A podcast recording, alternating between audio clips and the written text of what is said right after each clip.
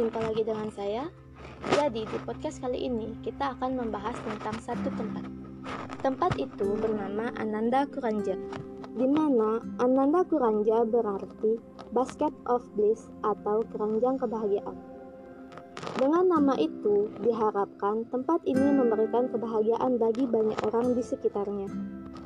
Di tempat ini, kita bisa belajar banyak hal, salah satunya bagaimana tentang cinta kasih, saling menyayangi dan peduli pada lingkungan dan sesama di sekitar kita. Ananda Kuranja sudah diakui oleh Dinas Kepariwisataan sebagai tempat pariwisata spiritual di Bali. Di tempat ini sering diadakan acara-acara internasional.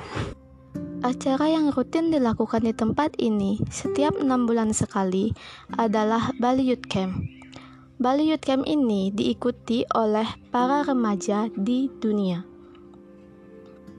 Bagi para orang tua yang ingin anak-anaknya mengisi waktu liburan mereka dengan hal-hal positif, akan mengikut sertakan anak-anaknya dalam kegiatan ini. Kegiatan ini berlangsung selama tiga hari, di mana selama tiga hari itu para remaja atau para peserta camp tidak boleh membawa gadget seperti yang kita tahu, kebanyakan remaja saat ini tidak bisa lepas dari pengaruh gadget. Selain itu, selama tiga hari mereka akan diajarkan tentang kasih sayang, bagaimana mereka mendapatkan banyak teman dan saling menyayangi, cara mereka memberi makan ternak, atau memelihara tumbuhan. Mereka juga diajarkan tentang cara-cara atau teknik-teknik bermeditasi yang baik dan benar. Selain meditasi, juga diajarkan yoga asanas. Seperti yang kita tahu, saat ini yoga sangatlah mendunia. Selain itu, yoga juga sangat baik untuk pikiran dan juga kesehatan tubuh kita.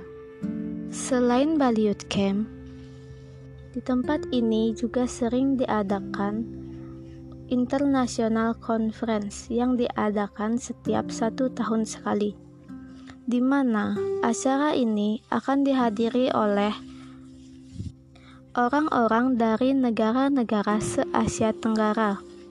Acara ini pun diadakan selama tiga hari, di mana selama acara akan ada orang-orang spiritual yang akan memberikan penerangan atau materi untuk orang-orang yang ingin mempelajari lebih dalam tentang spiritual. Ada banyak hal yang bisa kita pelajari di tempat ini.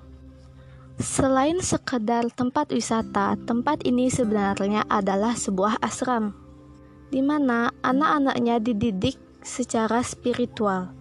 Dengan melaksanakan meditasi dua kali sehari, yoga asanas secara rutin.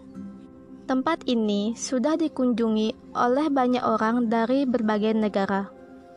Bahkan ada salah satu hotel yang mengkhususkan bagi tamu-tamunya yang belajar yoga untuk berkunjung ke tempat ini. Bagi kalian yang ingin tahu tentang tempat ini lebih banyak, bisa mencari informasi melalui Instagram Bali Youth Camp. Jadi, bagi kalian orang-orang spiritual atau orang-orang yang ingin belajar tentang spiritual bisa datang ke tempat ini karena tempat ini selalu terbuka untuk siapa saja. Jadi, terima kasih banyak untuk kalian yang telah mendengarkan podcast ini. Semoga podcast ini dapat bermanfaat bagi kalian. See you.